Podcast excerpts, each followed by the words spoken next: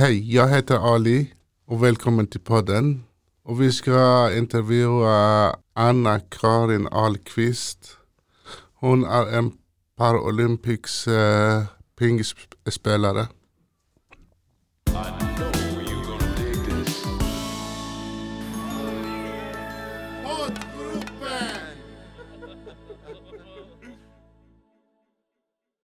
Kan du berätta om, om dig själv?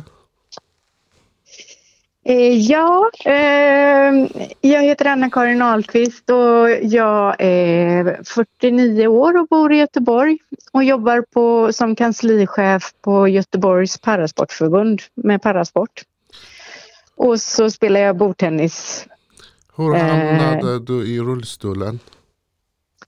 Jag blev sjuk i en eh, neurologisk sjukdom som heter MS när jag fyllde 30. Mm. Och så blev jag förlamad från midjan och ner och, och, kunde inte gå mer. Och då fick jag ha hjul istället för ben. Vem är din idol eller förebild? Det är min pappa. Min pappa, pappa ser eh, positivt på, på allt. Det går, finns lösningar på allt och jag önskar att jag var lite mer som honom. Att jag också kan, kan se allting så positivt som han kan göra. Mm. Hur blev du intresserad av pingis? Jag spelade pingis eh, som barn väldigt tidigt. Min, min pappa spelar bordtennis så, så han tog med oss till hallen när vi var väldigt, väldigt små. Så, så jag spelade som stående spelare eh, i många år.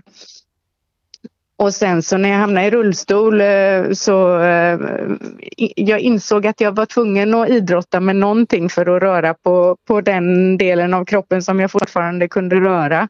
Mm. Och då eh, sa pappa, ska vi inte testa bordtennis igen? Så gjorde vi det och det gick ju bra. Hur kändes att du är tagit OS-silver? Eh, ja, det, det, är lite, det, det, är lite kluvet. Eh, jag, jag är ju jättestolt över att jag får representera mitt land och att jag får spela bordtennis för Sverige under Paralympics i Tokyo, och Rio, och London och allting. Och jag är jätteglad att jag får spela lag tillsammans med Ingela.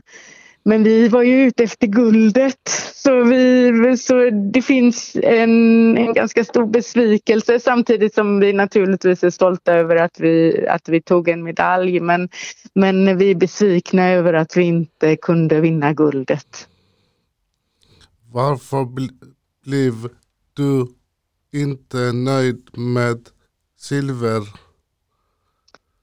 Eh, för, att, för att vi hade målsättningen att vi skulle, att vi skulle ta guld. Att vi, vi ville så gärna vinna den där guldmedaljen. Vi har, vi har aldrig vunnit guld i lag eh, på ett Paralympics. Vi hade en silvermedalj från London och nu, nu var vi, vi var nära men det räckte inte hela vägen. De var bättre än oss.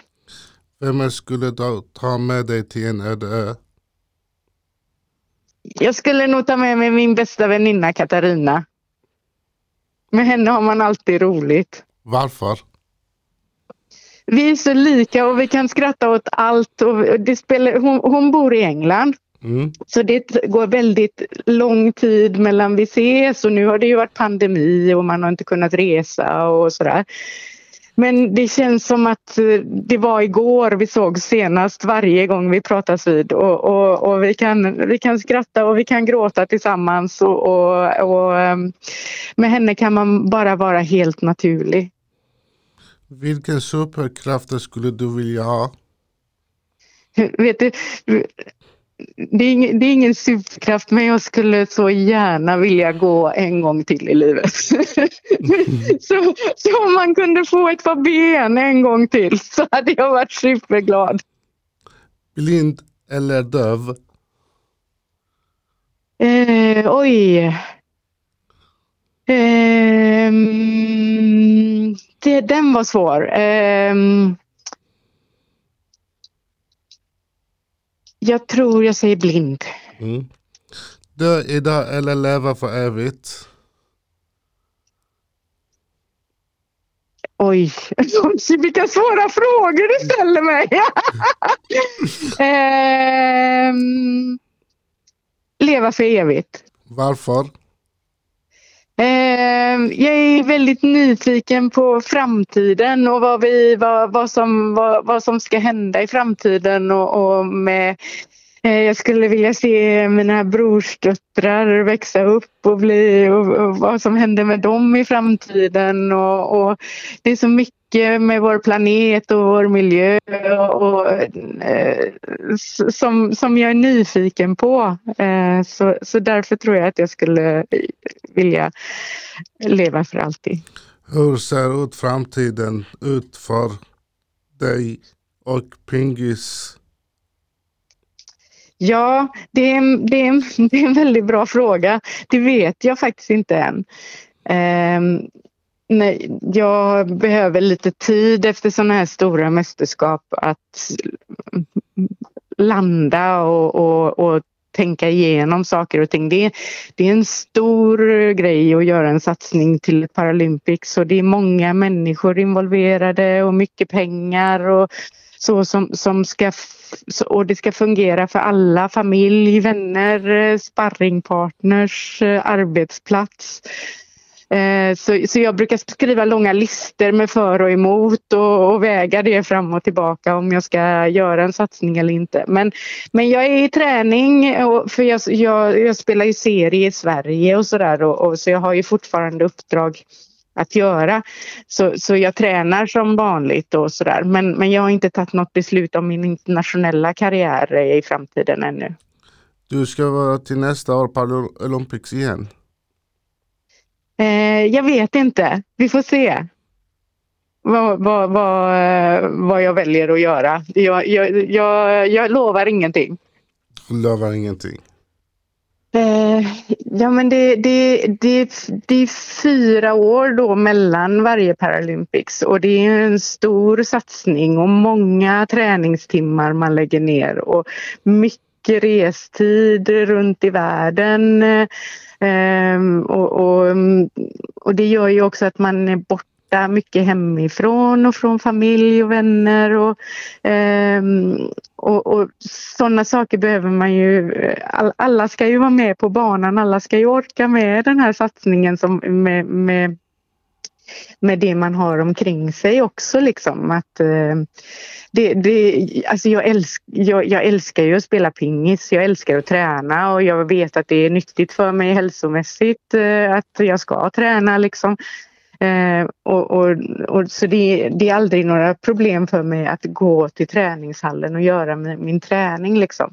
Men, men eh, det är otroligt eh, mycket annat runt omkring man ska orka med och man ska tvätta och man ska laga mat och man ska eh, städa och man ska göra allt det här andra vid sidan av och så jobbar man samtidigt. Och, och det är en arbetsplats också med kollegor och sånt som ska fungera på, samtidigt som, som jag då satsar på min, min bordtennis. Liksom. Eh, det, det ganska egoistiskt om jag får säga så att vara elitidrottare för det är mycket som kretsar kring mig och att det ska fungera kring mig. Men det är många andra som ska fungera också. Och därför så känner jag att det är viktigt att alla är tillfrågade och alla, att det ska fungera och alla ska orka med en, en fyraårsperiod fram tills dess att det är dags igen. Liksom. Nu är det tre år till nästa gång vilket kanske underlättar lite i alla fall. Men, eh, men jag, som min pappa, han är min bästa träningspartner och han är 84 år. Eh, och då, det kräver också, eh, det behöver jag också tänka på naturligtvis att han blir ju äldre och han ska också orka och han ska också tycka att det är värt det och att det är kul. Han kanske vill syssla med annat. Han eh, samlar på frimärken liksom som han tycker är jätteroligt och han kanske vill lägga mer tid på det. Så det är sådana saker som också är viktiga att väga in. Liksom. Vad ville du säga de som sitter i rullstol som dig? Att eh, det går att leva livet lika bra som om man är gående stående person. Man får bara göra det på ett lite annat sätt. Eh, vi har hjul istället för ben och det är lite mer komplicerat. Men det går att leva ett fantastiskt bra liv. Och idrotten gör otroligt mycket för att man lever det där bra livet. Liksom. Ehm, man träffar vänner, man eh, rör på sig, man mår bra, man, eh, man kommer ut. Ehm, det, det är många aspekter med idrottandet som faktiskt gör, det, gör tillvaron så mycket bättre för oss som, som har en funktionsnedsättning. Har du känt dig någon gång ensam i livet? Ja, det har jag gjort. Massor av gånger. Ja det, det tror jag alla människor gör mer eller mindre.